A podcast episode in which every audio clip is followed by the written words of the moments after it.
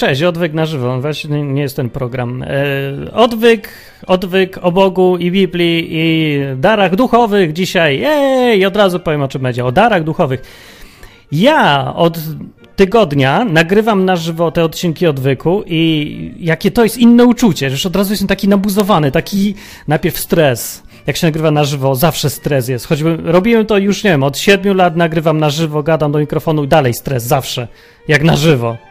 Jak nie na żywo, to nie. A to jest bez sensu, bo tyle samo ludzi właściwie to ogląda i słucha i to ja nie wiem dlaczego. Ale to fajne, bo jest tak, taki bardziej człowiek jest taki o, o, o. Dziś będzie o darach duchowych, więc właściwie wypadałoby mieć to trochę krzyczeć Aleluja, aleluja! Ale ja nie lubię i nie chcę i uważam, że właściwie dary duchowe nie mają za dużo wspólnego e, z hiperemocjonalizmem. W kościołach chrześcijańskich przyjęło się, bo jest takie może dużo ludzi tak uważa, że tam, gdzie są dary duchowe obecne, jakieś ponadnaturalne, dziwne rzeczy, to tam zawsze panuje nadmierny emocjonalizm. Znaczy, że wszyscy strasznie są emocjonalni, płaczą, krzyczą, wrzeszczą i yy, no emocje, wiecie. Yy, ale nie musi tak być wcale. Zresztą ja widziałem yy, kościoły, wspólnoty, ludzi, grupy, gdzie były te dary duchowe różne. Ktoś tu chodzi? Mhm.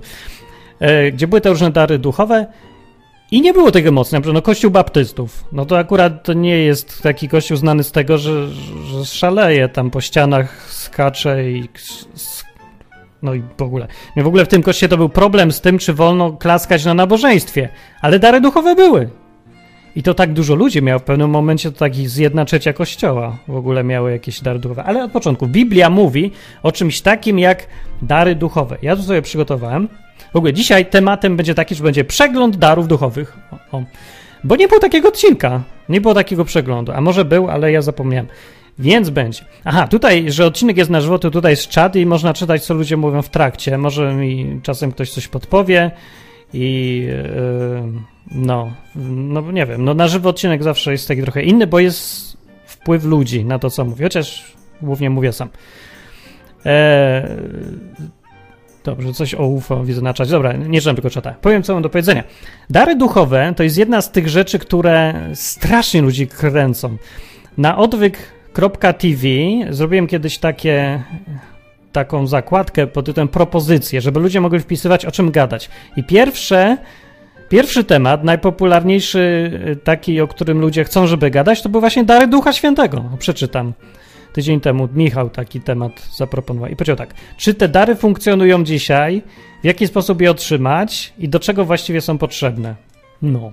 To dobrze, no to będzie trochę odpowiem, a trochę nie odpowiem, bo się trochę nie dam. To jest po, program mimo wszystko o tym, co Biblia mówi, ale jak się mówi o darach duchowych, to nie da się nie poruszyć tego od strony osobistej i takiej praktycznej, to, bo to nie jest teoria.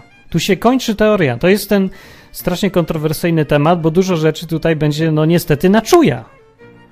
Dobrze, ale jeszcze, żeby zachęcić do oglądnięcia i posłuchania tego odcinka do końca, powiem, że na końcu pokażę Wam, puszczę Wam, e, jak brzmi mówienie językami i jak się to ma do nauki, bo znalazłem dzisiaj bardzo ciekawy e, program, taki właśnie dokument, ale to wam powiem na końcu. Potem jak.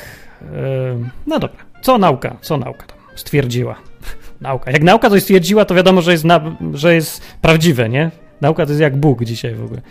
Dobra. O darach duchowych. Biblia mówi często o darach, że Bóg daje różne dary. I na przykład w pierwszym liście, albo nie, w liście do Rzymian, tym jednym, którym jest no w pierwszym i ostatnim, w dwunastym rozdziale, tak pisze autor. Jak bowiem w jednym ciele wiele mamy członków. Członków? Aha, części ciała znaczy. No, bo ja, ja Biblię czytam, żeby nie było. Czemu członków rany? Jak to głupio brzmi dzisiaj, to trzeba zmienić to tłumaczenie, bo to jakieś. sobie wyobraziłem. Jak w jednym ciele mamy wiele członków, what? Mamy jednego członka. No. Czytam. Jak w jednym ciele mamy wiele części ciała, a nie wszystkie te części ciała tę samą czynność wykonują. Tak my wszyscy jesteśmy w jednym, jednym ciałem w Chrystusie, a z osobna jesteśmy częściami jedni drugich ciała. I mamy różne dary według udzielonej nam łaski. Tu już jest o darach. I uwaga, jeśli dar prorokowania, to niech będzie używany stosownie do wiary. Jeżeli posługiwanie, to w usługiwaniu niech będzie używane. Jeżeli ktoś naucza, to w nauczaniu, jeśli ktoś napomina, to w napominaniu. Jak obdarowuje, to w szczerości. Jak ktoś jest przełożony, to niech okaże gorliwość. Jak to okazuje miłosierdzie, niech to czyni z radością i już. I taka jakby lista. Ten fragment z listu do Rzymian używa słowa dary. I teraz ja wam powiem, na czym polega podejście kościelne, teologiczne. Polega na tym, że jak sobie ktoś czyta coś takiego, to od razu sobie klasyfikuje i mówi, to jest lista darów, bo pada słowo dar i dalej są wymieniane. I robi sobie z tego tabelkę i potem przy bierzmowaniu albo tam czymkolwiek innym każe dzieciom się uczyć, jakie mamy dary. No i już i wymienia z listy.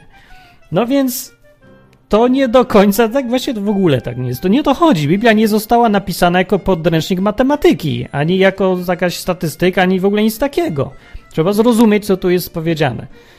Yy, o darach, że Bóg daje ludziom różne rzeczy, jest mowa w całej Biblii, bo to jest właściwie to, co Bóg robi, głównego.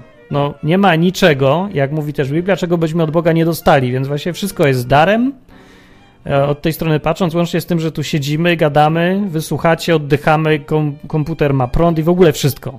No bo jest. Nie?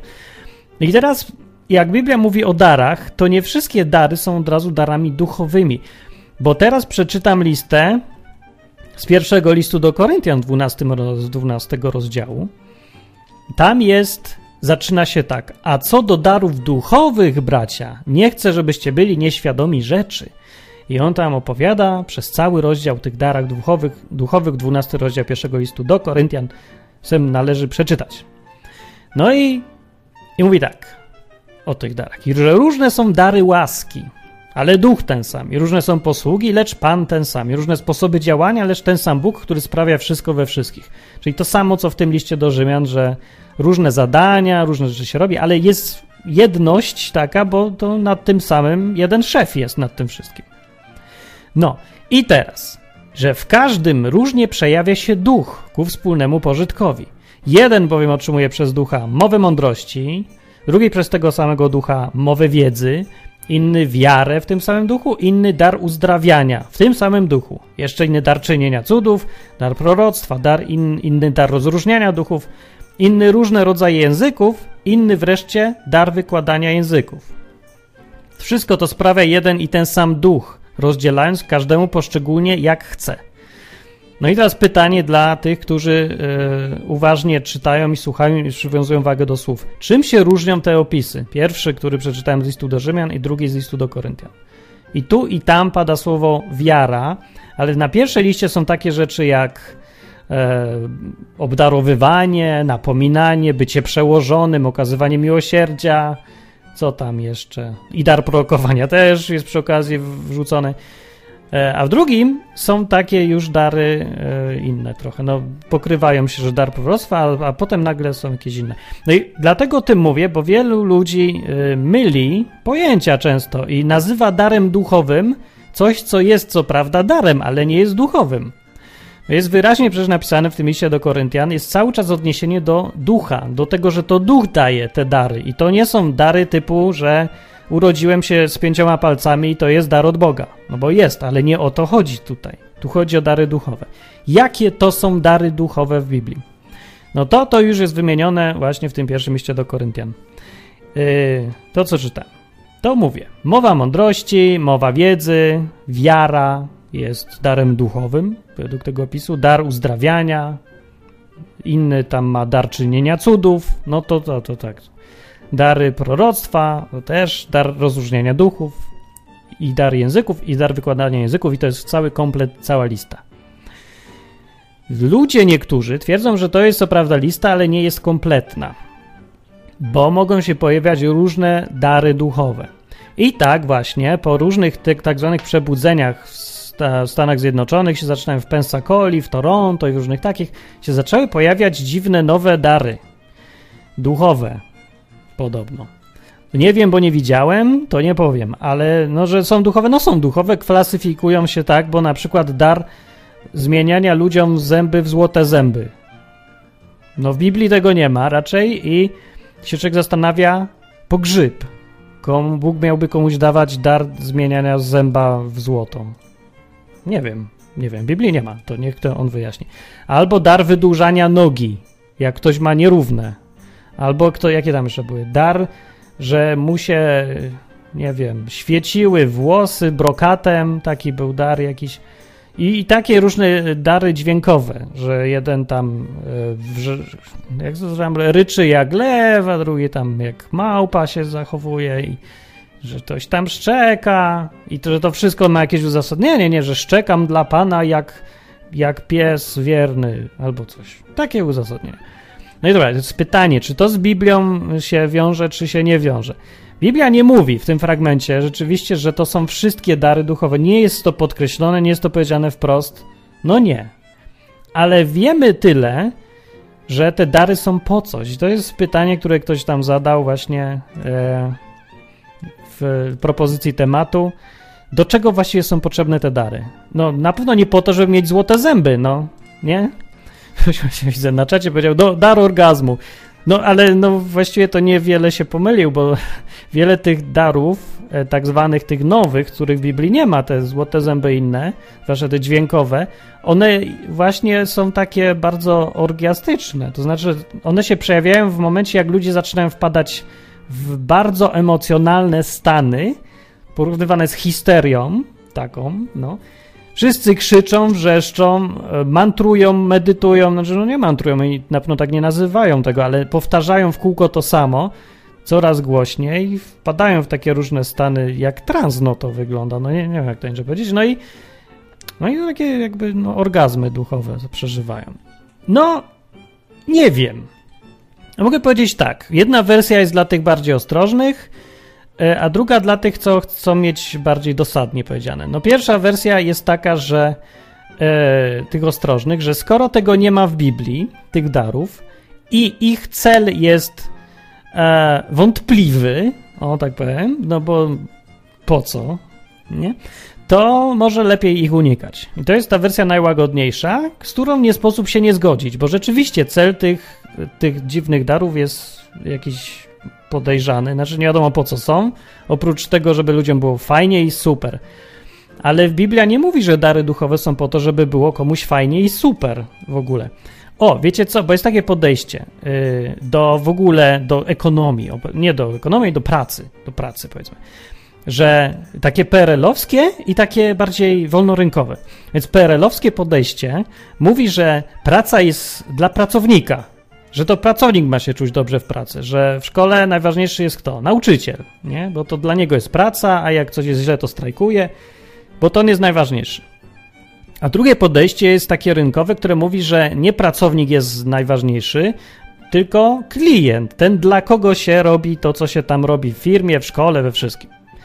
No, i, yy, I dlatego w tym, w tym pierwszym podejściu oczywiście zawsze bunt przed byciem wyzyskiwanym w pracy i chodzi o to, żeby pracować jak najkrócej i w ogóle było fajnie i przerwy i urlopy i wszystko, no bo zgodne z, nie z filozofią. A drugie podejście mówi, żeby pracownika wyzyskiwać ile się da po to, żeby klient miał dobrze. Znaczy, no, że tak jakoś sensownie wyzyskiwać, bo jak się go się przepracuje i umrze, to klient nie będzie miał dobrze ale ten klient jest najważniejszy. I teraz uwaga, do Biblii wracam. W Biblii podejście do darów duchowych jest to drugie. Czyli po to są dary duchowe, żeby z nich był pożytek, o czym Biblia mówi bardzo jasno. Nawet jakby nie mówiła tego jasno, a mówi, to i tak z samej listy widać, e, z tych opisów, jakie to są dary duchowe, widać, że każdy z nich jest pożyteczny. Nie dla tego, który ma dar, tylko dla innych. No i tutaj właśnie jest różnica między tym podejściem y, tych y, hiperduchowych specjalistów, tych, od tych superdarów duchowych, od orga, orgazm powodujących, no bo orgazm jest pożyteczny dla tego, kto ma orgazm, nie? A nie duchowy oczywiście, a nie dla tych dookoła. No i to jest, widzicie, ta różnica w podejściu, więc no, trzeba by się trzymać Biblii, a Biblia zakłada to, co właściwie jest jasne i po co Jezus przyszedł? Żeby służyć innym. I co chrześcijanie mają robić? Naśladować Jezusa, czyli co? Służyć innym, a nie szukać orgazmu dla siebie. Ale, żeby nie było, tak, że ja tu mówię, żeby unikać darów duchowych. Nie mówię, bo Biblia tego nie mówi. Czytam. Co mówi Biblia? Gdzie jest ta Biblia? Chodźcie tu. Tu. W rozdziale 14 pierwszego listu do Koryntian są takie dwa rozdziały, gdzie jest o tych darach duchowych, 12 i 14, a pomiędzy nimi jest cały czas o miłości, powiedziane, że ona jest najfajniejsza. Ale 14, 14 rozdział się zaczyna tak. Dążcie do miłości. Starajcie się też usilnie o dary duchowe, a najbardziej o to, żeby prorokować. No to hej, to nie jest ostrzeganie, żeby unikać tego, że starajcie się o te dary duchowe. No raczej nakaz wręcz właściwie, zachęta. No to okej, okay, no Biblia mówi, żeby się starać, to czemu nie? No, to tak wam powiem. Co tam jeszcze miałem przeczytać? Nic. Dobrze. Ok, to można przejść teraz do listy tych darów duchowych, jakie są. E, przy okazji zobaczę, czy na czacie ktoś coś mówi. Witold alias Spiritus mówi, że jest dar żydostwa i dar wierzenia w UFO. No nie, właśnie. Kurczę, pamiętajcie, że to, co, o czym mówię, to są dary duchowe tutaj. I e, dary duchowe, po pierwsze, że to są dary, które są pożyteczne, ale drugie, są to dary, które wynikają z aktywności Ducha Świętego. Czyli mają jakiś pierwiastek ponadnaturalny. To jest też ważne, żeby to roz, o tym rozróżnieniu pamiętać, żeby było wiadomo, o czym w ogóle mówimy. Bo ktoś mi, w, pamiętam jak byłem w różnych kościołach, chyba w kościele baptystów akurat, to jakieś takie rozmowy były na te tematy duchowe i mi tam mówili, że no przecież gościnność jest taka ważna i, i ten... Yy, no jest taki dar gościnności, dar różnych dziwnych rzeczy, takich, znaczy takich zwykłych, nie dziwnych, właśnie fajnych. Dar gościnności na przykład. I no i ja mówię, że oczywiście, że dar gościnności, jeżeli jest to dar, no jest dar, nie? No człowiek, człowiek się jest jeden bardziej gościnny, ma to w sobie naturalnie, e, albo ktoś tam ma zdolności bycia dobrym zarządcą na przykład, dobrze kieruje, albo ktoś inny jest fantastycznym kucharzem. To wszystko są dary, jak już mówiłem, ale nie duchowe. Cóż, cóż w tym jest duchowego? Chyba, że rzeczywiście owładnął kimś Duch Święty i podpowiada mu, co wrzucić do garka i wtedy gotuje, no to ja wtedy tak, rzeczywiście to jest dar duchowy, ale w zwykłych okolicznościach to jest zwykły talent. To jest jakiś dar od Boga, ale nie duchowy. To nie, że duch tak działa w kimś, że y, organizuje, tylko Bóg tak po prostu zrobił, że go wytrenował, że się goś nauczył, jak być dobrym organizatorem, że miał okazję ćwiczyć to i przez ostatnich 12 lat był na takim treningu po prostu, który Bóg mu tam organizował przez najróżniejsze zbiegi okoliczności i teraz umie. No i już. Czy to jest mniej cenne niż dar duchowy? Przeciwnie, ja bym powiedział, że to jest bardziej cenne, bo to wymaga współpracy z Bogiem. To jest wynik prawdziwego życia, to jest owoc życia, starania się. E, tak, no bo to, to jest o tyle lepsze. E, czym lepsze jest na przykład, a nie umiem znaleźć fajnego porównania, ale wiecie o co mi chodzi. To jest coś, na co człowiek zapracował, słuchając Boga przy okazji, współpracując z Nim, doświadczając tego wszystkiego i to dało fajny wynik. A z drugiej strony jest coś, co dostałeś bez pracy, bez zarabiania, masz natychmiast i już używaj. No, to będzie zawsze gorsze, bo nawet co z tego, że dostałeś, jakbyś dostał nagle z dnia na dzień samochód, ani nie umiesz jeździć, ani nie masz doświadczenia, nie miałeś poprzednio ileś mniejszych samochodów, no nie umiesz docenić tego wszystkiego, no zawsze są jakieś, wiecie, minusy. Dobra, ale dary duchowe, wróćmy do nich i wymieńmy katalog darów duchowych według Biblii teraz.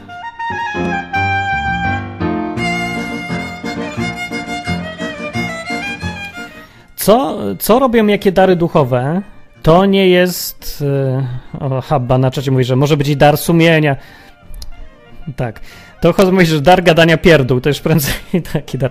Nie, to słuchajcie, duchowe dary, żeby nie było wątpliwości. A to może ja e, zacznę, e, zanim wymienię listę, co który dar robi, to jeszcze odpowiem na pytanie, w jaki sposób je otrzymać. Do czego są potrzebne? Już odpowiedziałem, ale powiem wprost jeszcze. Do tego, żeby pomagać innym ludziom. Koniec. Mm, właśnie przede wszystkim innym wierzącym, czyli braciom, no tym, co są najbliżej ciebie, przyjaciołom i w ogóle, no ale w ogóle wszystkim. Wszystkim, komu się da. Robić to, co robił Jezus. To jest proste. w chrześcijaństwie wszystko jest dosyć proste. Wszystko jest po to samo. Póki jesteśmy na ziemi, to co by nie było, to, to, to jeżeli zadajesz sobie pytanie, po co jest to albo tamto, to zawsze jest ta sama odpowiedź. Dla innych ludzi. Nie, nie dla ciebie, dla, dla ciebie też, ale jeżeli coś jest dla ciebie, to też dla ciebie jest po to, żebyś ty mógł jeszcze innym pomagać. No, to zawsze ostatecznym celem jest ta miłość, która się właśnie tym przejawia, że nie myślisz o sobie na początku, tylko o innych. I wtedy żyje się fenomenalnie, jeżeli taka grupa ludzi, którzy nawzajem o siebie dbają i życzą sobie dobrze, się zbierze razem i się tak żyje. No fajnie, no to jest piękne, to o to chodziło w ogóle od początku, od stworzenia człowieka, żebyśmy tak żyli. No. I o to chodzi w chrześcijaństwie. No więc po to są też i dary duchowe. Niczym się nie różnią od darów nieduchowych w tym względzie i od w ogóle nie darów, tylko od tego, żeby po prostu żyć i uczyć się i ćwiczyć i być coraz lepszym człowiekiem. No. Czy funkcjonują dzisiaj? No to sobie łatwo odpowiedzieć na to pytanie. Yy... Znaczy, nie, dobra, inaczej. Dlaczego miałoby ich dzisiaj nie być? No, powodem może być tylko to, że kiedyś były potrzebne z jakiegoś powodu, którego dzisiaj już nie ma. Czyli, no, na przykład jakby Bóg kiedyś wymyślił, że trzeba przejść przez e, Morze Czerwone, nie? że dużo ludzi potrzebuje przejść, i wtedy wymyślił cud pod tytułem, albo dał magiczną laskę Mojżeszowi, którą otworzył morze, to by można polemizować, że dzisiaj taka laska jest niepotrzebna, bo dzisiaj mamy łódki, a nawet jakbyśmy nie mieli, to i tak nie przechodzimy przez morze, e, więc po co? No, to ja rozumiem, ale dary duchowe były dane po to, żeby y, lepiej pomagać sobie nawzajem, żeby no, żyć lepiej, żeby się zbliżać do Boga i do innych ludzi, żeby być coraz lepszym człowiekiem. Czy jesteśmy dziś na tyle dobrzy w byciu chrześcijaninem, że e, te dary nie są już nam potrzebne, myślicie? No ja bym powiedział, że dzisiaj są najbardziej potrzebne. No bo dzisiaj chrześcijanie są tragiczni. Jest egoizm, egocentryzm niewiarygodny. Wszyscy się też boją, jest strach przed stratą, nie ma zaufania do Boga zupełnie. To takie te dziwne różne koncepcje, że no, trzeba się zarejestrować, że państwo jest nadrzędne, a nie Bóg. Nie? Że, że Kościół jak jest, to może być tylko wtedy, jak się zarejestruje u państwa. Tak jakby odwróciło, odwróciła się kolejność tego, co jest zwierzchnikiem czego. Czy Bóg stoi nad państwem, czy państwo nad Bogiem. No dzisiaj się to traktuje Boga i Kościół, i wspólnotę, i w ogóle wszystkich, tak jakby byli tylko częścią małego systemu. Podlegli takiemu superbogu, który się nazywa państwo, system, kraj, prawo. Te rzeczy są super ważne i dopiero w ramach nich jest Bóg. To jest chora koncepcja, zupełnie nic nie ma wspólnego z Biblią i od początku świata wielu chrześcijan się dawało zabijać właśnie dlatego, że się nie zgadzali z tą koncepcją. W ogóle za czasów Rzymu dlatego chrześcijan się tępiło, bo nie chcieli właśnie dokładnie tego zrobić, co my dziś uważamy za normalne, czyli poddać się zwierzchnictwu Cezarów, uznawanych jako Bóg. No dzisiaj się nie mówi, że państwo to jest Bóg, ale tak samo się to traktuje, że to jest niepodważalne, że trzeba być w zgodzie. Zawsze. Z prawem. Choćby nie wiem, jak głupie było i choćby było sprzeczne, choćby było. No, dobra. Ale to właśnie kompletnie bezsensowna dygresja była teraz. Więc dary duchowe są potrzebne dzisiaj? Tak, oczywiście, że są potrzebne. To dlaczego ich nie ma, ktoś zapyta. No ależ są, oczywiście, że są. Dlaczego ma ich nie być? Tutaj już ten kawa, ten kawałek, ten program albo ten odcinek, o którym dzisiaj mówię, no musiałby już mówić o czymś, co jest poza Biblią. Jak mnie pytasz, czy dzisiaj są dary duchowe, no to ja ci nie pokażę ich w Biblii, że dzisiaj są.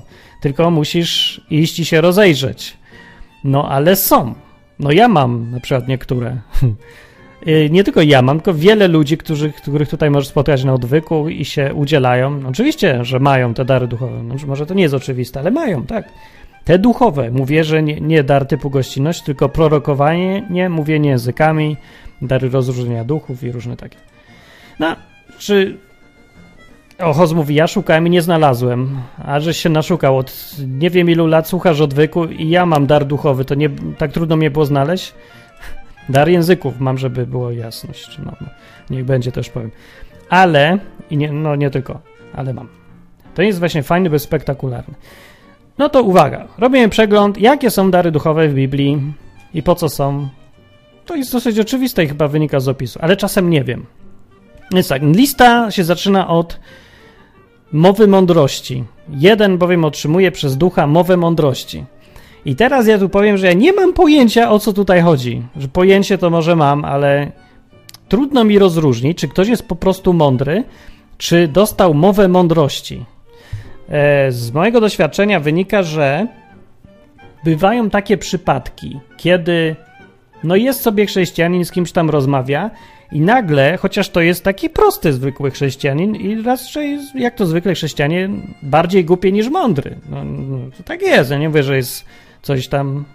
Nie no, no może powinien być mądrzejszy, ale nie jest. Dobra, nieważne, jest taki.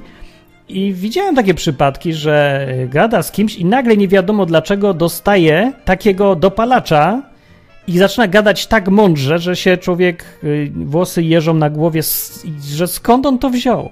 No bywały takie rzeczy. Teraz jest pytanie, czy to można kwalifikować pod dar duchowy. Nie da się sprawdzić. I otóż jest właśnie tu problem z tymi darami duchowymi, bo nie idzie tego zmierzyć. No jak, skąd masz wiedzieć, skąd ci to przyszło do głowy, żeby tak mądrze komuś odpowiedzieć, czy nie?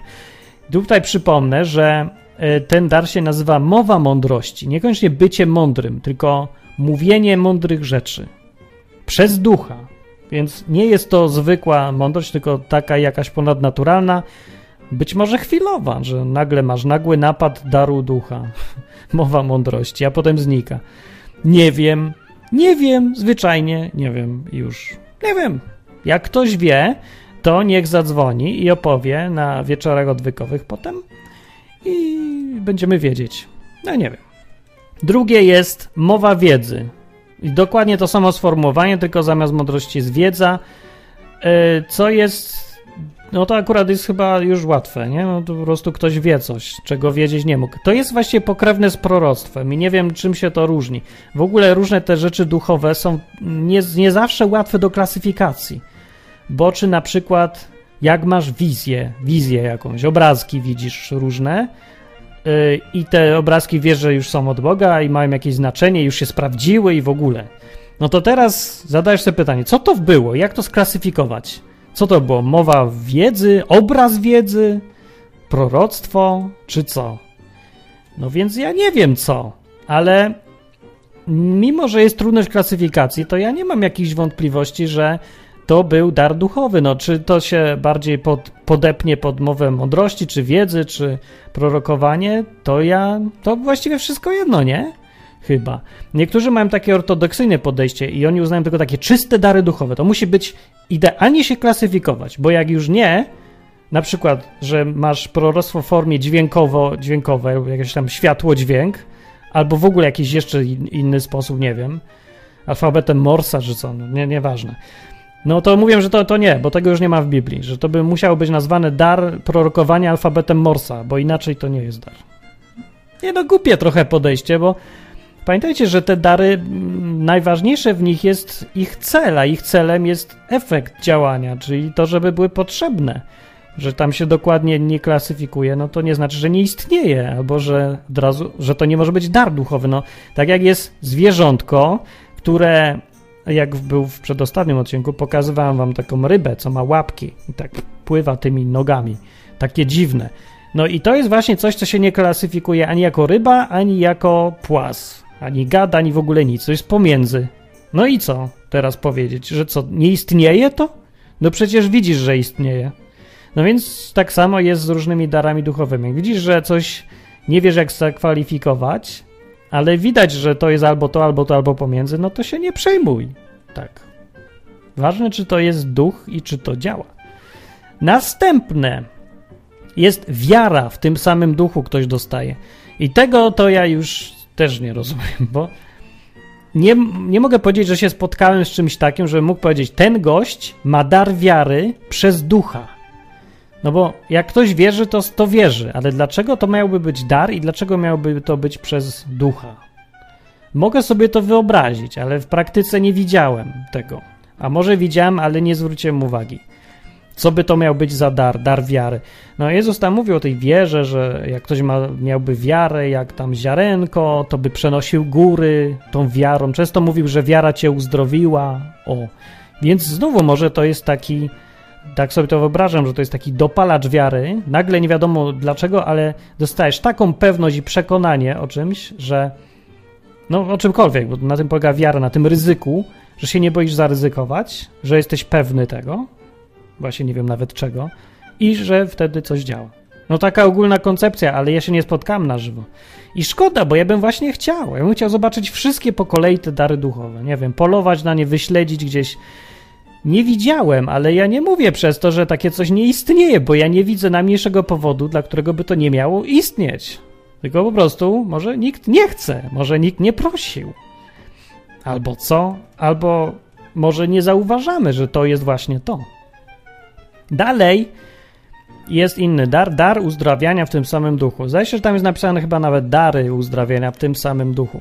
Dary uzdrawiania to już jest jasne, co jest, bo przykładów na to w Biblii jest dużo i to jest jeden z częściej występujących darów wśród chrześcijan dzisiejszych też. No i to są dary takie różne, bo znam jakieś przypadki, znam, że są ludzie, co uzdrawiają, ale tylko z niektórych rzeczy, znaczy z jakąś mają specjalizację. Nie wiem, no aż tak właściwie blisko z nimi nie gadałem, żeby ich wypytać o to, więc nie wiem, tylko mówię, że istnieją takie rzeczy. No, takie dary, jakieś uzdrawiania. E, I że jak ktoś. No to znów jest z darami tak, że e, mogą być na stałe, a mogą być, mogą się przejawiać. Znaczy jest, a potem znika. Jest jak potrzeba, a potem przestaje być.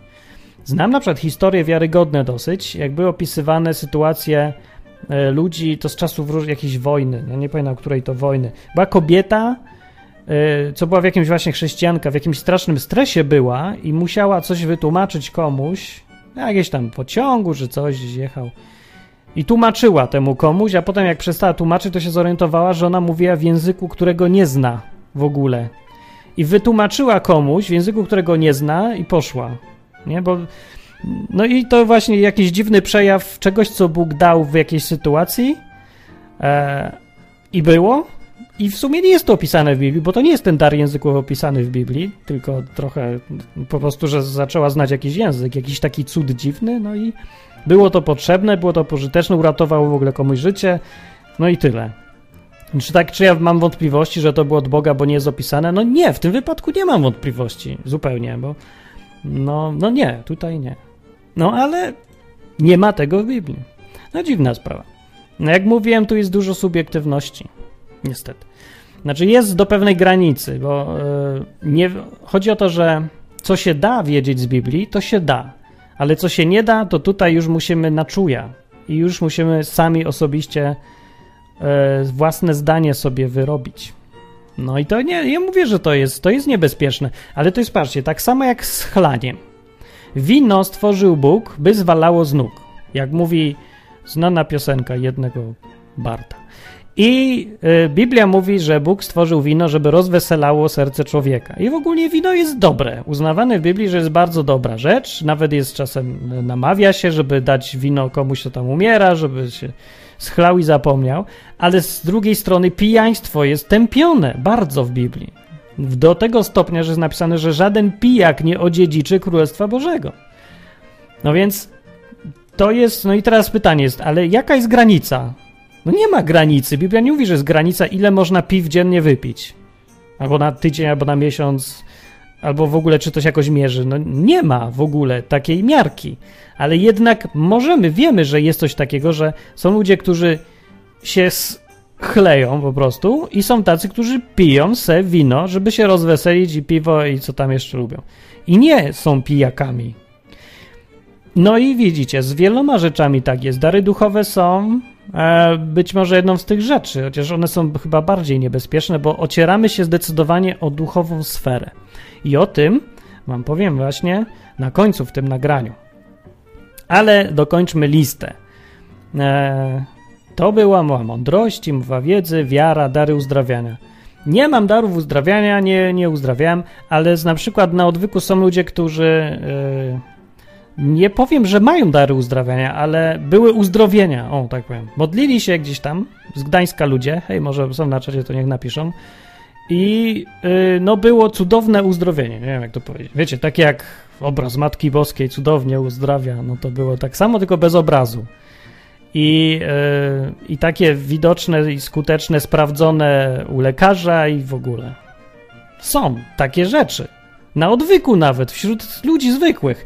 Nie, nie jest tak, że trzeba szukać jakoś daleko. Ja nie wiem, po prostu nie rozumiem, jak ktoś przychodzi i mówi, Ja bym chciał zobaczyć dary duchowe, ale szukam i nie mogę znaleźć. Jak nie możesz znaleźć, jak wszędzie są dookoła? Wystarczy zapytać. No, nie wiem. Trudno jest nie zauważyć, jak można w ogóle nie znaleźć.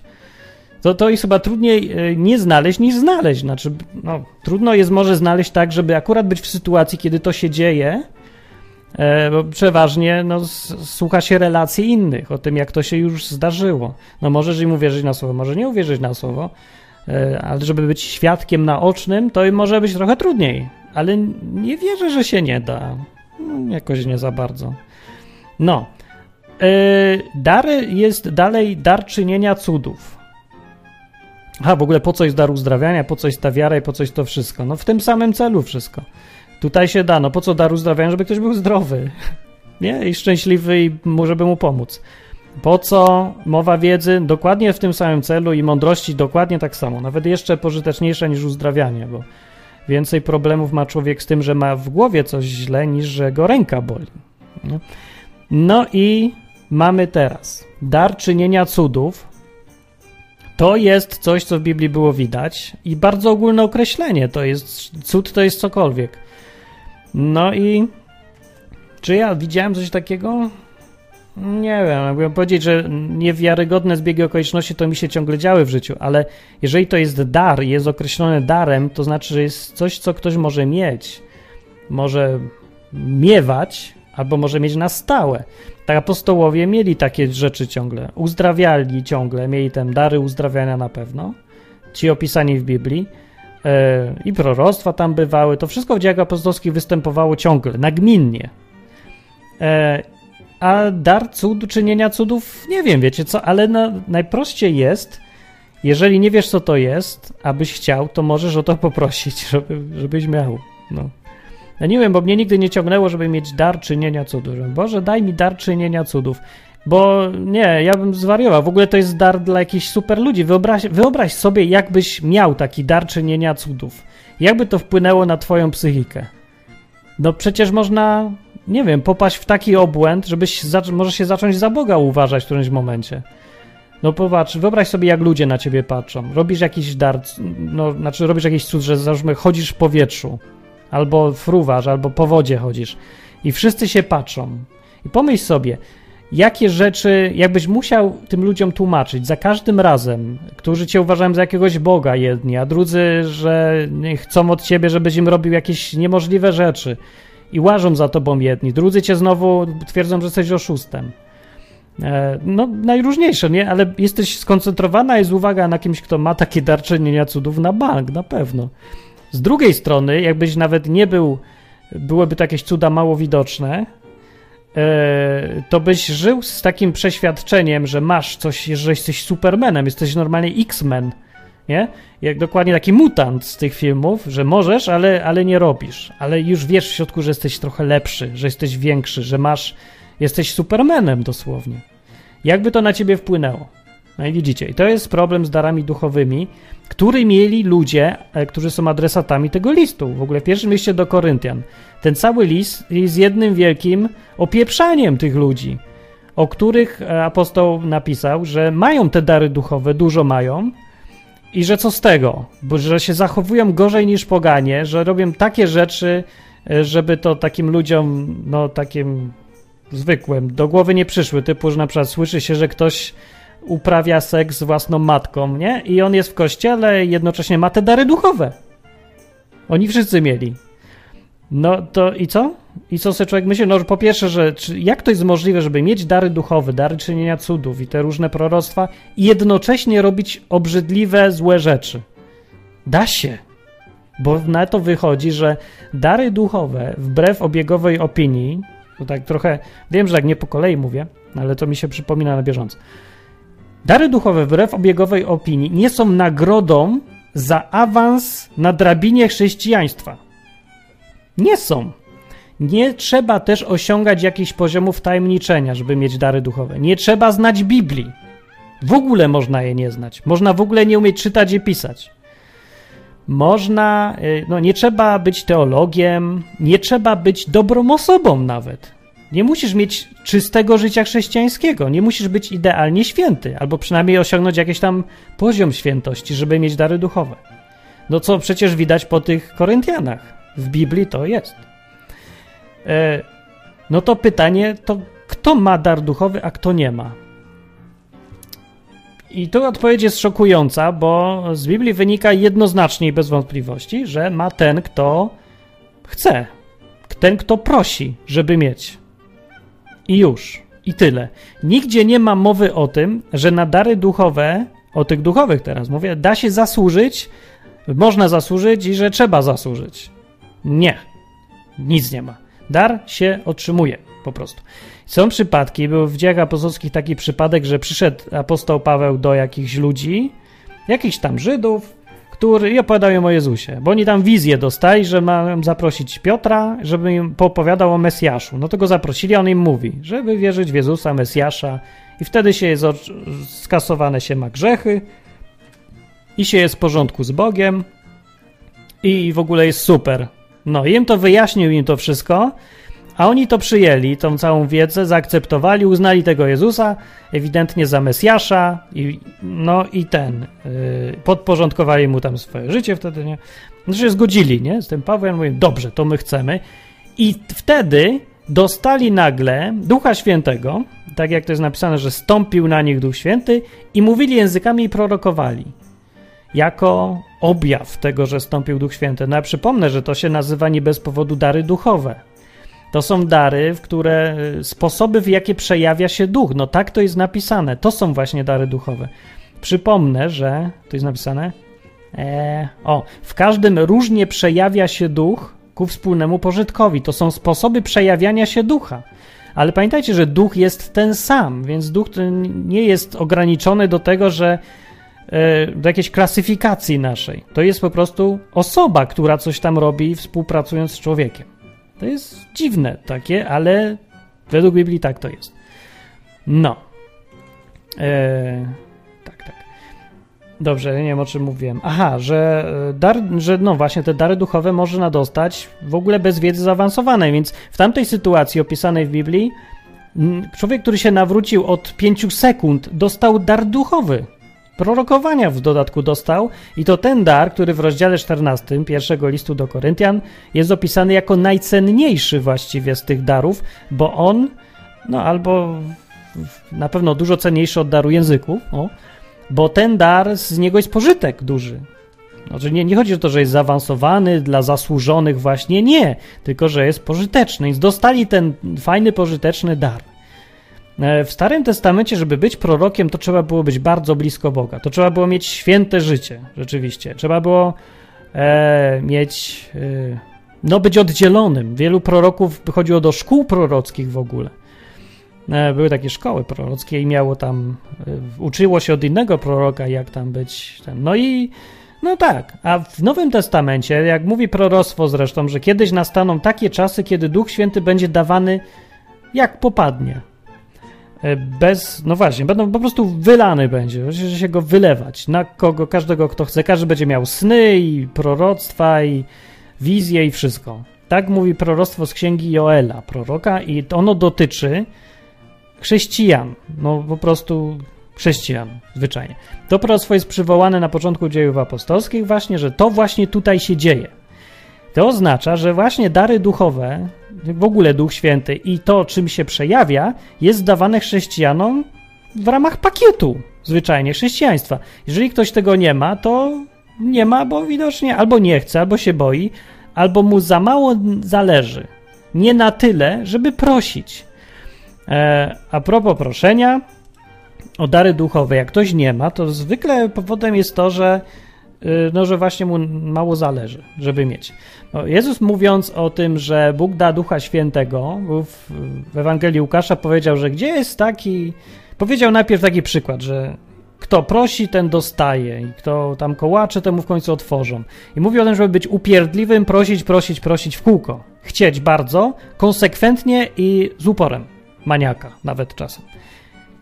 I, I, potem powiedział, że no, bo gdzie jest taki ojciec, jak go syn prosi o jajko, to mu da węża, albo mu da kamień zamiast chleba, albo mu coś tam podmieni dla zabawy. Ojciec nie podmienia. I na końcu mówi, że tym bardziej wasz ojciec da wam ducha świętego. Więc o tym mówił. W innej Ewangelii jest po prostu o darach ogólnie. Całe to, to, o czym Jezus mówił, że no to wypowiedź o dawaniu, żeby kołatać, że to dotyczy ogólnie wszystkiego, co się chce od Boga. Ale w Ewangelii Łukasza jest powiedziane precyzyjniej, że tu o Ducha Świętego chodzi, w szczególności.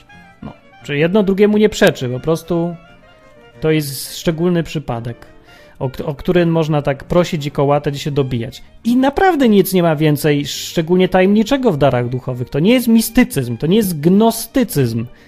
To nie są te wszystkie Ewangelie Judasza i innego, że trzeba być wtajemniczonym, że to wielkie tajemnice, dary duchowe tylko dla jakichś tam, nie wiem, tych, co pochodzą do nas na nasze wewnętrzne kręgi zaawansowanych chrześcijan. Nie ma tego w Biblii.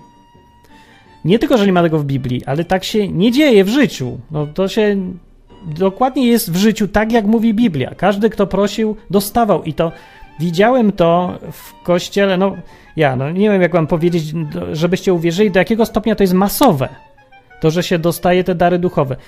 Bo moje y, jakby pierwszy taki kontakt z darami różnymi duchowymi był w kościele baptystów, co jest o tyle dziwne, że kościół baptystów to akurat nie z tego jest znany, że dary duchowe tam są, ale wtedy było tam dużo ludzi takich, młodych, takich całkiem, którzy się właśnie nawrócili na obozach chrześcijańskich.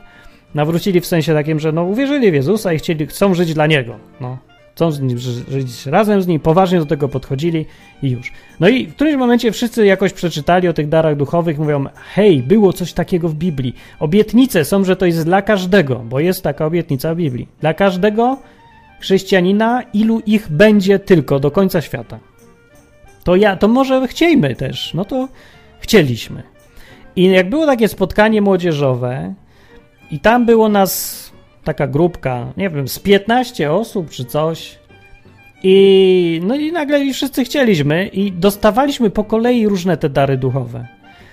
I na 15 osób dostało chyba wszystkie, z tego co pamiętam. Właśnie sobie usiłuję przypomnieć, czy ktoś nie dostał. Pamiętam, że była jaka jedna dziewczyna, która była bardzo mądra akurat i dojrzała i w ogóle, i ona dostała na końcu, najpóźniej.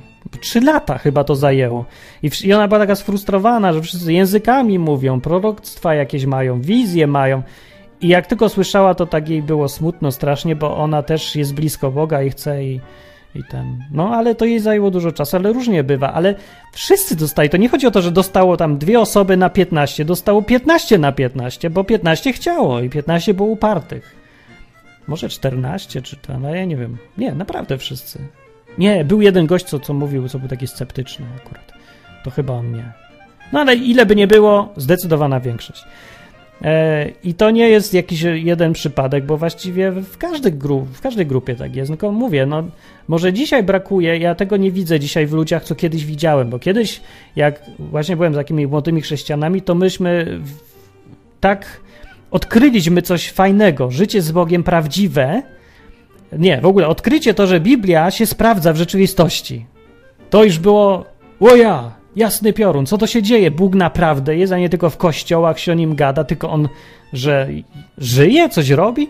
No i to odkrycie tak wywróciło nam życie, wszystkim właściwie tam wtedy, że no, byliśmy uparci w tym byciu z Bogiem i naprawdę chcieliśmy. Ja tego dzisiaj nie widzę dużo wśród chrześcijan albo takich ludzi, co nawet szukają Boga, bo ludzie teraz szukają Boga, ale szukają go teoretycznie szukają wiedzy o nim, szukają to, żeby wiedzieć, czy Bóg jest, czy Boga nie ma, albo żeby mieć stosunek do niego pozytywny. Co mam robić, żeby być w niebie? No mam wierzyć w Jezusa, no to wierzę już.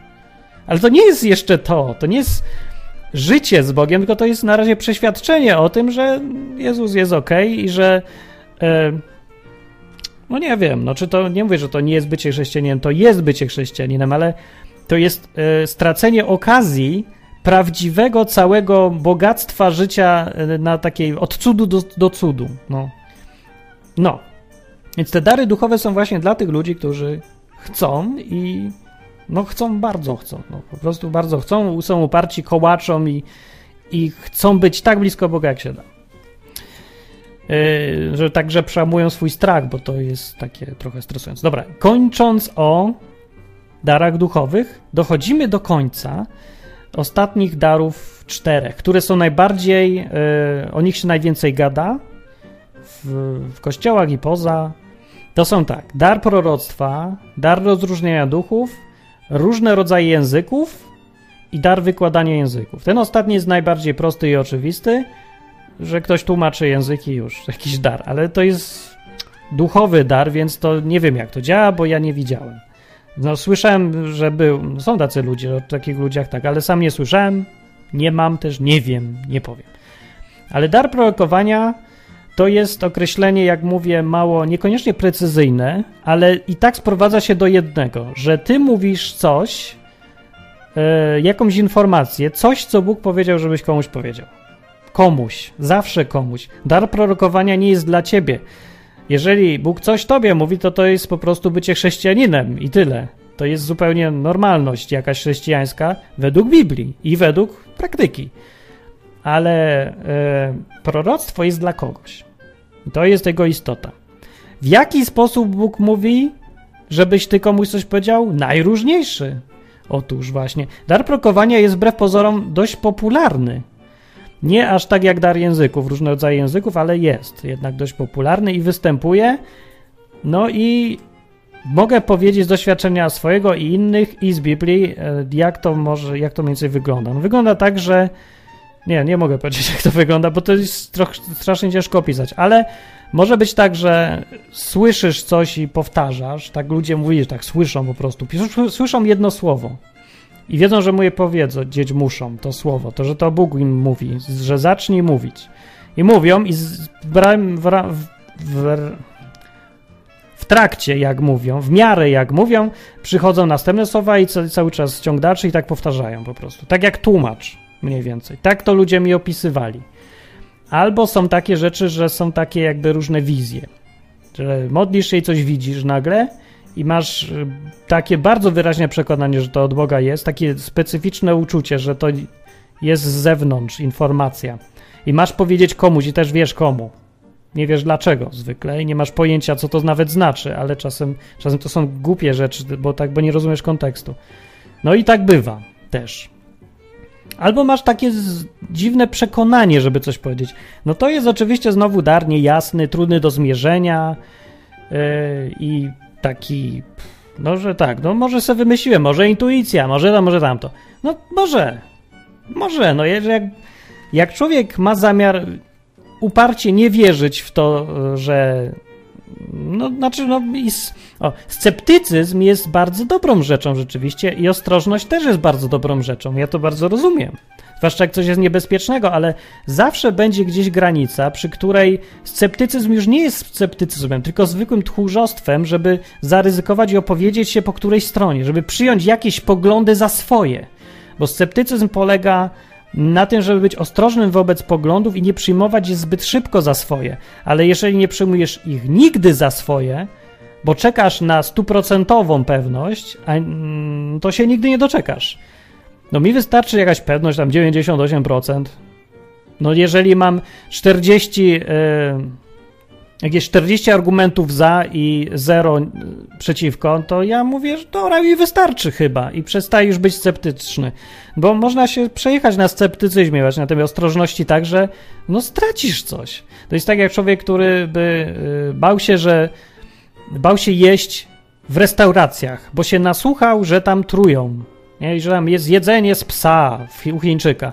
No i co? I ten człowiek oczywiście dla bezpieczeństwa nie je niczego i się nigdy nie zatruje u Chińczyka, bo nie je. Ale z drugiej strony straci cały smak. Straci wszystkie wyjścia do wszystkich restauracji. Się zastanów, ma to sens? Więc dlatego ja mówię, że yy, poza całym yy, trzeźwością umysłu i sceptycyzmem, która jest bardzo wskazana, trzeba w którymś momencie wziąć i ryzykować zwyczajnie. Na tym też polega y, ten kamień chrześcijaństwa, w którym, od którego wiele osób się odbija. Bo do, tylko do pewnego momentu możesz słuchać odwyku i wszystkiego, co mówi Biblia i powiedzieć, że fajna nawet ta Biblia i nawet się dużo rzeczy zgadza i tutaj trafisz w którymś momencie na kamień, bo nagle stwierdzisz, że co dalej? Nic, więcej już nie usłyszę. Już wiem, że Biblia jest ok, ale teraz czekasz Teraz już się nic więcej nowego nie dzieje i się więcej nic nie stanie, bo to, co jedyne może zrobić, to teraz przyjąć ten pogląd za swój, zaryzykować samemu i spróbować i wprowadzić to do swojego życia. Tylko to można zrobić. I tutaj wielu ludzi właśnie odpada. Dlaczego? Bo to już nie jest teoria i to już nie jest bezpieczne. I to już trzeba samemu zaryzykować ze swoim życiem, że wyjdziesz na głupka. Być może. Być może wyjdziesz. Może to nie będzie prawda. Może cię ktoś oszuka, no. No może, ale jak nie zaryzykujesz, to na pewno czegoś nie będziesz miał. No jak z grą wiesz, w to to lotka trochę. Że no nie wygrasz jak nie grasz. Tylko, że no tutaj trochę prawdopodobieństwa są inne. Właściwie kompletnie są inne, ale zasada podobna. Dar proroctwa e, na tym polega, co mówiłem. I w rozdziale 14 pierwszego listu do Koryntian jest opisane kontrast daru pomiędzy darem prorokowania, a darem mówienia językami, który też jest wymieniony na tej liście. E, I dar mówienia językami na końcu zostawimy. Jeszcze jest dar rozróżniania duchów. No dobra, to mogę powiedzieć, bo to akurat wiem o co chodzi, z własnego też doświadczenia i z innych, i z Biblii, z wszystkiego. Hmm, ale też trudno opisać. Dar rozróżniania duchów jest, działa tak, jak to mówi Biblia. Rozróżniasz między duchami, ale nie wiem, czy to oczywiście ma sens o tym mówić, bo to jest jakieś takie trochę nawiedzone, więc zostawmy ten dar może jednak, bo no to jest tak, że dostrzegasz działalność duchową w ludziach albo w, nie tylko w ludziach, no takie nie wiem, no Dobra, nie, to, to, to zostawmy, bo to jakieś zbyt nawiedzone brzmi i to już, ja nie wiem, nie lubię mówić o tym akurat darze. W ogóle o żadnych darach duchowych jakoś specjalnie nie lubię mówić, ale powinno się, bo to jest część życia chrześcijańskiego, które jak mówię, nie ma w ogóle żadnego, żadnego powodu, żeby to nie była codzienność życia chrześcijanina. Żeby te dary duchowe wśród nas funkcjonowały. Tylko ja przypomnę, że one są głównie na pożytek innych, a nie tylko nas. Więc jak ktoś jest samotnym chrześcijaninem i nie spotyka się z nikim, tylko siedzi w domu, to darów, nawet jak ma, to po co je ma mieć? One się na nic nie przydadzą. Może se mieć, ale co z tego? Dary nie są po to, żeby je mieć. Tak jak dużo ludzi stwierdza, że ja chcę mieć dar. No to jest głupie. Ty masz używać dara, nie mieć. No i też dobrze jest pokazane, że jak ktoś nie robi czegoś dla ludzi, nie ma miłości, o której tutaj jest ciągle mowa pomiędzy tymi darami duchowymi. Czyli nie lubi ludzi, nie, nie chce robić czegoś dla ludzi, nie lubi służyć innym. To niech se daruje wszystkie dary duchowe, bo nawet jak będzie miał, to po co? Bóg mu nie da najprawdopodobniej, jak mu da, to tylko dlatego, że prosił, no to masz, no i co dalej? Nic. Nic mu to nie pomoże. Tak dokładnie mówi jest w 13 rozdziale pierwszego listu do Koryntian napisane, że choćby miał dary duchowe i mówił językami i w góry przynosił wszystko, a nie miałbym miłości, to mi to nic nie pomoże. No to właśnie o tym jest mowa, że e, jeżeli nie używasz darów, to ci do niczego nie, się nie przydadzą. Ani nie będziesz ty w niczym lepszym, ani nie będziesz lepszym chrześcijaninem, ani nie zbliżysz się do Boga. Nijak. Bo tak się zbliżasz do Boga, że się zbliżasz do ludzi. Jesteś dobry dla ludzi i Bóg to widzi. No. Mnie ludzie pytają często, czemu Bóg mi nie daje czegoś. To jest dobrze wtedy odpowiedzieć pytaniem, a dlaczego ty nie dajesz czegoś innym? Jak chcesz coś sam, to daj to innym najpierw. Z darami duchowymi być może jest podobnie. Ja nie wiem, bo to tak naprawdę to Bóg decyduje sam z siebie, komu co daje. I czy daje, czy nie daje i kiedy. Więc tutaj nie ma zasad. Mogą, mogą być podpowiedzi, e, ale zasad no nie ma, bo to jest, to jest decyzja kogoś zupełnie. Widzi mi się, masz ty, a ty nie masz i już. I szukaj dlaczego. Zwykle jest jakiś tam powód, tylko możesz znać, możesz nie znać. Mówię, że to nie jest przewidywalne, to nie jest oswojona wiedza, to nie jest teologia w ogóle, to jest życie. A życie takie jest, no, że to jest, nie ma, Przychodzi dar, nie przychodzi, nie wiadomo czasem czemu, ale tak jest. No cieszmy się tym właśnie, że nie wiemy. No to jest właśnie fajne. Aha, bo ja się tak o tych darach e, języków. Więc tak, dar prorokowania, e, jeżeli się już starać o jakiś, to najbardziej o dar prorokowania, bo tak mówi Biblia. O to się starać. O dar języków najmniej, ale jednocześnie to jest najpopularniejszy dar, jaki się pojawia wśród chrześcijan, dar, ten dar języków. Jest, czy jest to dar duchowy? Jest. I nie tylko już teraz mówię to z Biblii, ale mówi za mną to samo nauka. I tu się można zdziwić. Teraz pokażę wam kawałek programu, e, w którym ktoś postanowił zbadać sprytnie, o co chodzi z tym darem języków. Ja od razu jeszcze powiem, że to mówienie językami jest bardzo śliski temat. Ja nie, nie wydaje Ja mam tu jakieś różne wątpliwości, bo nie każdy, nie każdy, kto mówi tymi językami, ma ten dar jest, uważam, no, że niektórymi ludźmi coś jest nie tak. Ja tego nie rozumiem do końca, więc różnie, czasem dziwnie, ale yy, dobra, nie, nie, nie, nie ma, bez sensu jest tak straszyć. W ogóle jak to działa? To działa tak, technicznie, że człowiek mówi tak, jak ja mówię, ale nie mówi bez udziału, bez udziału świadomości. Znaczy nie, nie musi być nieprzytomny, wręcz przeciwnie, jest przytomny, tylko nie on mówi. Tak to od środka się czuje. Jest takie, to jest strasznie trudno zacząć takim ludziom jak ja. Ja mówię językami, znaczy ten dar z Biblii tam mam, czyli mogę się wziąć i teraz mówić tymi językami, ale nie będę, bo się zawsze stresuję i wstydzę i w ogóle. Nie wiem, że się wstydzę, ale Biblia mówi wyraźnie, że to jest e, do osobistego modlenia się, a nie w tłumie, więc dlatego choćby tego nie robię, albo może traktuję to jako wytłumaczenie, że po prostu w ogóle ja się nie szczególnie lubię modlić z innymi, znaczy lubię, ale się tak, no wiecie, stresuje mi to jakoś dziwnie, nie wiem, dlaczego, bo to jest osobiste dla mnie bardzo, może dlatego. Może jestem taki zamknięty bardziej niż wyglądam, ale dobra, bo to nie na temat. Więc ten dar języków działa tak, że mm, pozwalasz Y, żeby ci język sam chodził. Nie masz, nie wiadomo dlaczego ten język mówi i tam cały aparat mówi coś. Słychać, że coś mówi, wiesz, że coś mówi i nie brzmi to jak bełkot ani trochę. Brzmi to jak język. Na pewno to jest język, to są zdecydowanie słowa. Ja słyszałem, że różni, y, różne są takie języki niby, co tak ludzie mówią tymi językami i oni bełkotają, powtarzają w kółko tra la la la la la la la to ja mam wątpliwości, ale jak ja mówię, to ja nie mam la, tylko są słowa. I no, dlaczego to działa? Jak to działa w ogóle technicznie? Ja nie wiem, ale był jeden facet, no pewnie było więcej, ale znalazłem właśnie film dokumentalny, co wziął i zbadał trochę, co się dzieje w mózgu, jak ktoś mówi. Wziął sobie jakiegoś pastora, który się zgodził, ja, no dużo tutaj na pewno ludzi by się nie zgodziło, bo mówiło, że to jest, ej, to jest dar duchowy, to jest od Boga, to się nie powinno robić cyrków, mierzyć czy coś da. Ale mówi, że on ma, miał podejście, że mm, skoro to jest prawdziwe i to działa, to ja nie mam nic do ukrycia, Bóg się z nauką pokrywa.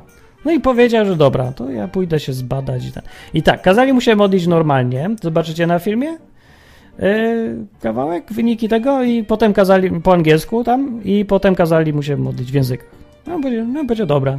To się o nich wszystkich pomodlił, najpierw tak, a potem siak e, i zbadali, co się dzieje w mózgu. I efekt jest taki, jak możecie zobaczyć. Efekt ten się dokładnie pokrywa z tym, jak to od środka do tego opisu pasuje, który ja wam mówię i wam każdy powie, jak to mniej więcej działa, że to jest poza świadomością.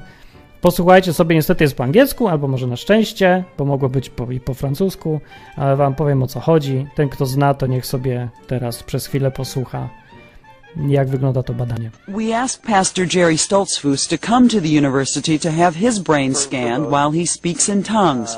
This way we could see the experiment in action. I don't think faith is anything to be afraid of from science. Science validates faith.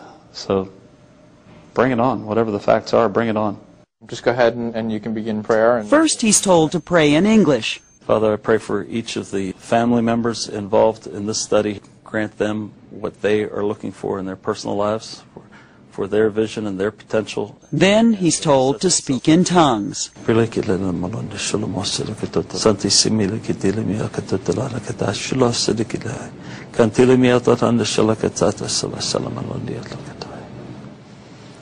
This is the first scan when he was in prayer, speaking in English.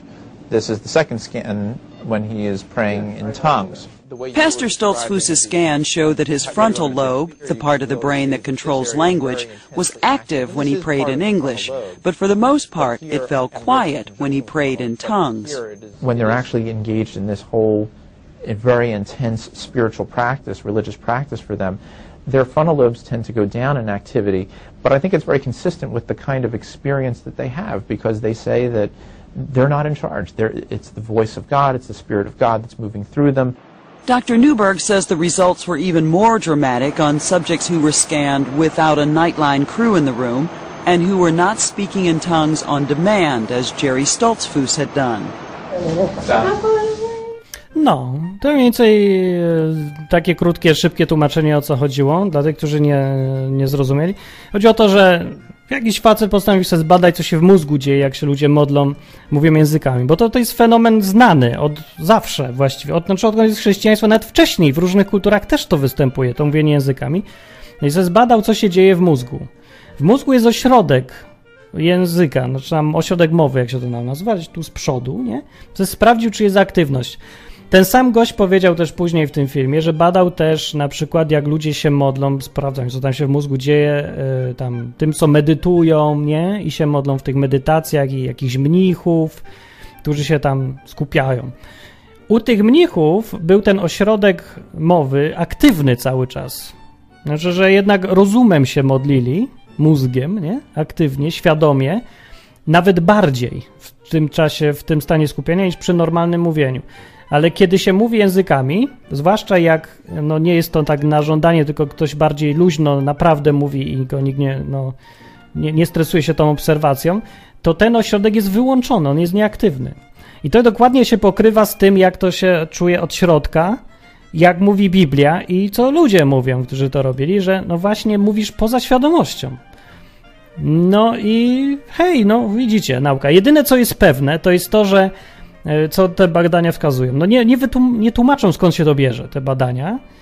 E, nie mówią, czy to jest od Boga, czy od szatana, czy od kogoś innego, ale mówią to na pewno. I to już jest pewne, zbadane, sprawdzone, że to nie jest bełkotanie samo od siebie rozumem. W odcinku czwartkowym którymś Huberta był krawiec, sceptyczny krawiec, który powiedział, że no właśnie on nie wierzy za bardzo w to mówienie językami, bo on se też tak może pobełkotać, tralalala, bla bla bla bla, ordnung muss sein i w ogóle. Ale to nie będzie od razu, możesz sobie, wiesz, podłącz sobie te elektrody do mózgu i zobaczysz, że to jest co innego niż mówienie językami, to które no, występuje właśnie wśród chrześcijan. To nie jest to samo. Możesz sprawdzić tych ludzi, że oni nie używają, nie mówią sami. Coś innego mówi, bo ich ośrodek mowy jest nieaktywny. I to już, hej, musisz uwierzyć, bo to już jest nauka.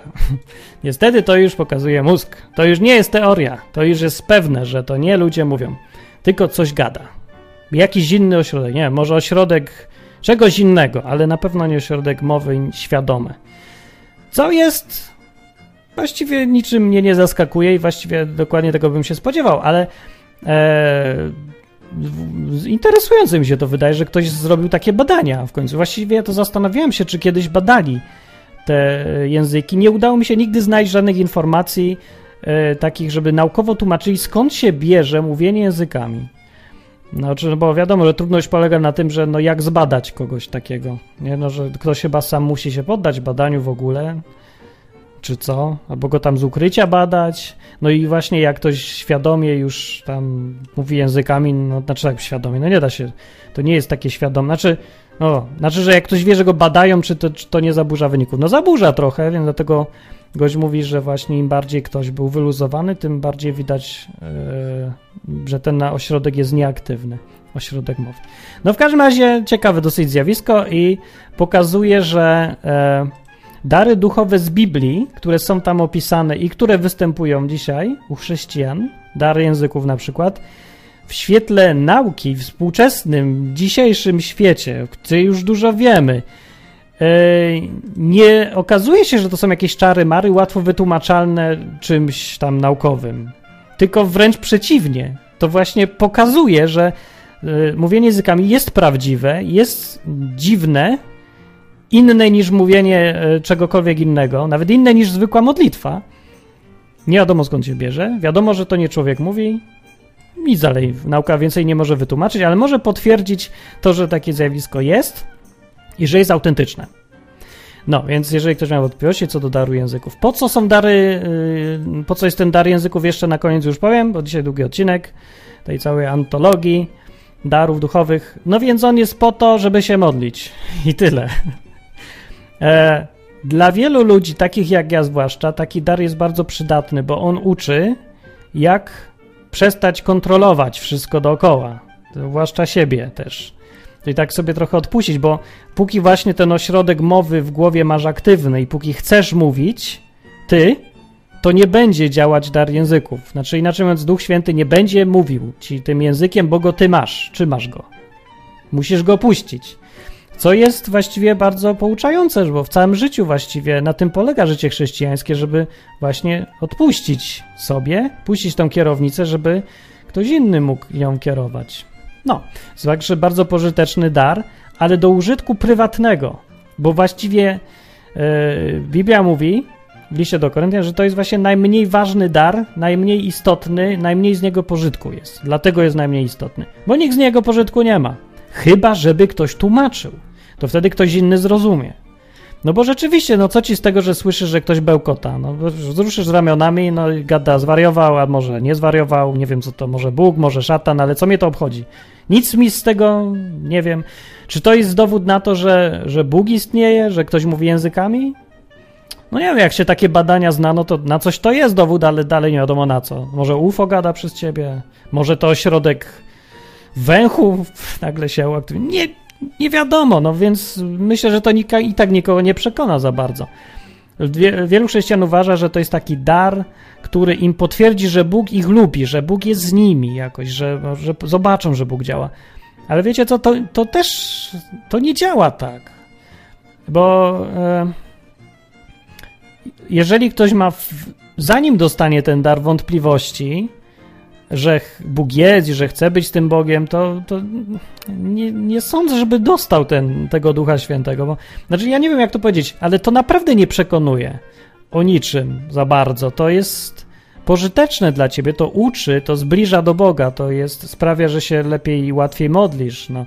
Ale przekonywać to, co nie przekona. To nie jest, to nie jest taka, takie potwierdzenie, pieczątka czy coś. W sumie może, no jeżeli dla kogoś jest, to dobrze, ale zwykle nie wiem, chyba nie za bardzo, nie po to jest. Jest do budowania się, mówi Biblia, a nie do tego, żeby przekonać tych, którzy już powinni być przekonani przecież. Nie? Więc ja nie wiem, jak to inaczej powiedzieć. Ale mogliście wreszcie usłyszeć, jak mniej więcej słychać, jak się ktoś mówi językami. Są różne inne języki, też nie takie, jak ten gość mówił. E, a cały film to polecam zobaczyć, jest jakiś ABC to wyemitowały, jest na YouTube, tam ma milion oglądnięć czy coś, że ludzie są ciekawi takich rzeczy. Mm, jak się to nazywa? Ten film, nie wiem, Speaking in Tongues, jak się wpisze, to tam będzie napisane. Dobrze, to był, była antologia darów duchowych, spis. A teraz, y, jako że to jest na żywo, ci, którzy przyszli na żywo, to będę mógł powiedzieć Wam na żywo w wieczorach odwykowych, dlaczego w ogóle jest odwyk. No, już powiem dlaczego jest. Bo przyszło dużo widokówek, dzięki. I teraz ja je wszystkie otworzę i będę się spróbować nie wzruszyć za bardzo, bo. Yy, no, ale to już dobrze, to już opiszę na tych wieczorach odwykowych. E, a jak macie pytania co do darów duchowych, nie wiem, czy to właśnie ten opis coś komuś dał. Właściwie jaki, jakie było to pytanie? Mm, dary ducha. Czy te dary funkcjonują dzisiaj? Tak. W jaki sposób je otrzymać? Poprosić. Już. I do czego właśnie są potrzebne? Do wszelkiego różnego pożytku dla dobra nas wszystkich, dla tylko żeby nam było lepiej, żebyśmy się zbliżali do Boga, żebyśmy byli szczęśliwsi, bardziej zadowoleni, mądrzejsi i w ogóle. No po to, po to, po co całe chrześcijaństwo jest i wszystko, co robi Bóg i co daje Bóg. Odpowiedziałem na pytanie i chyba dobry był odcinek. No, to do następnego razu, do za tydzień. Dzięki, że słuchacie odwyku. Yy, I, I tylko zachęcam do tego, żeby mniej teorii, więcej praktyki, spróbować czasem samemu zaryzykować, bo sama wiedza, wiedza jest dobra, ale sama wiedza do niczego nie wystarczy. No, no to był odwyk. Pa!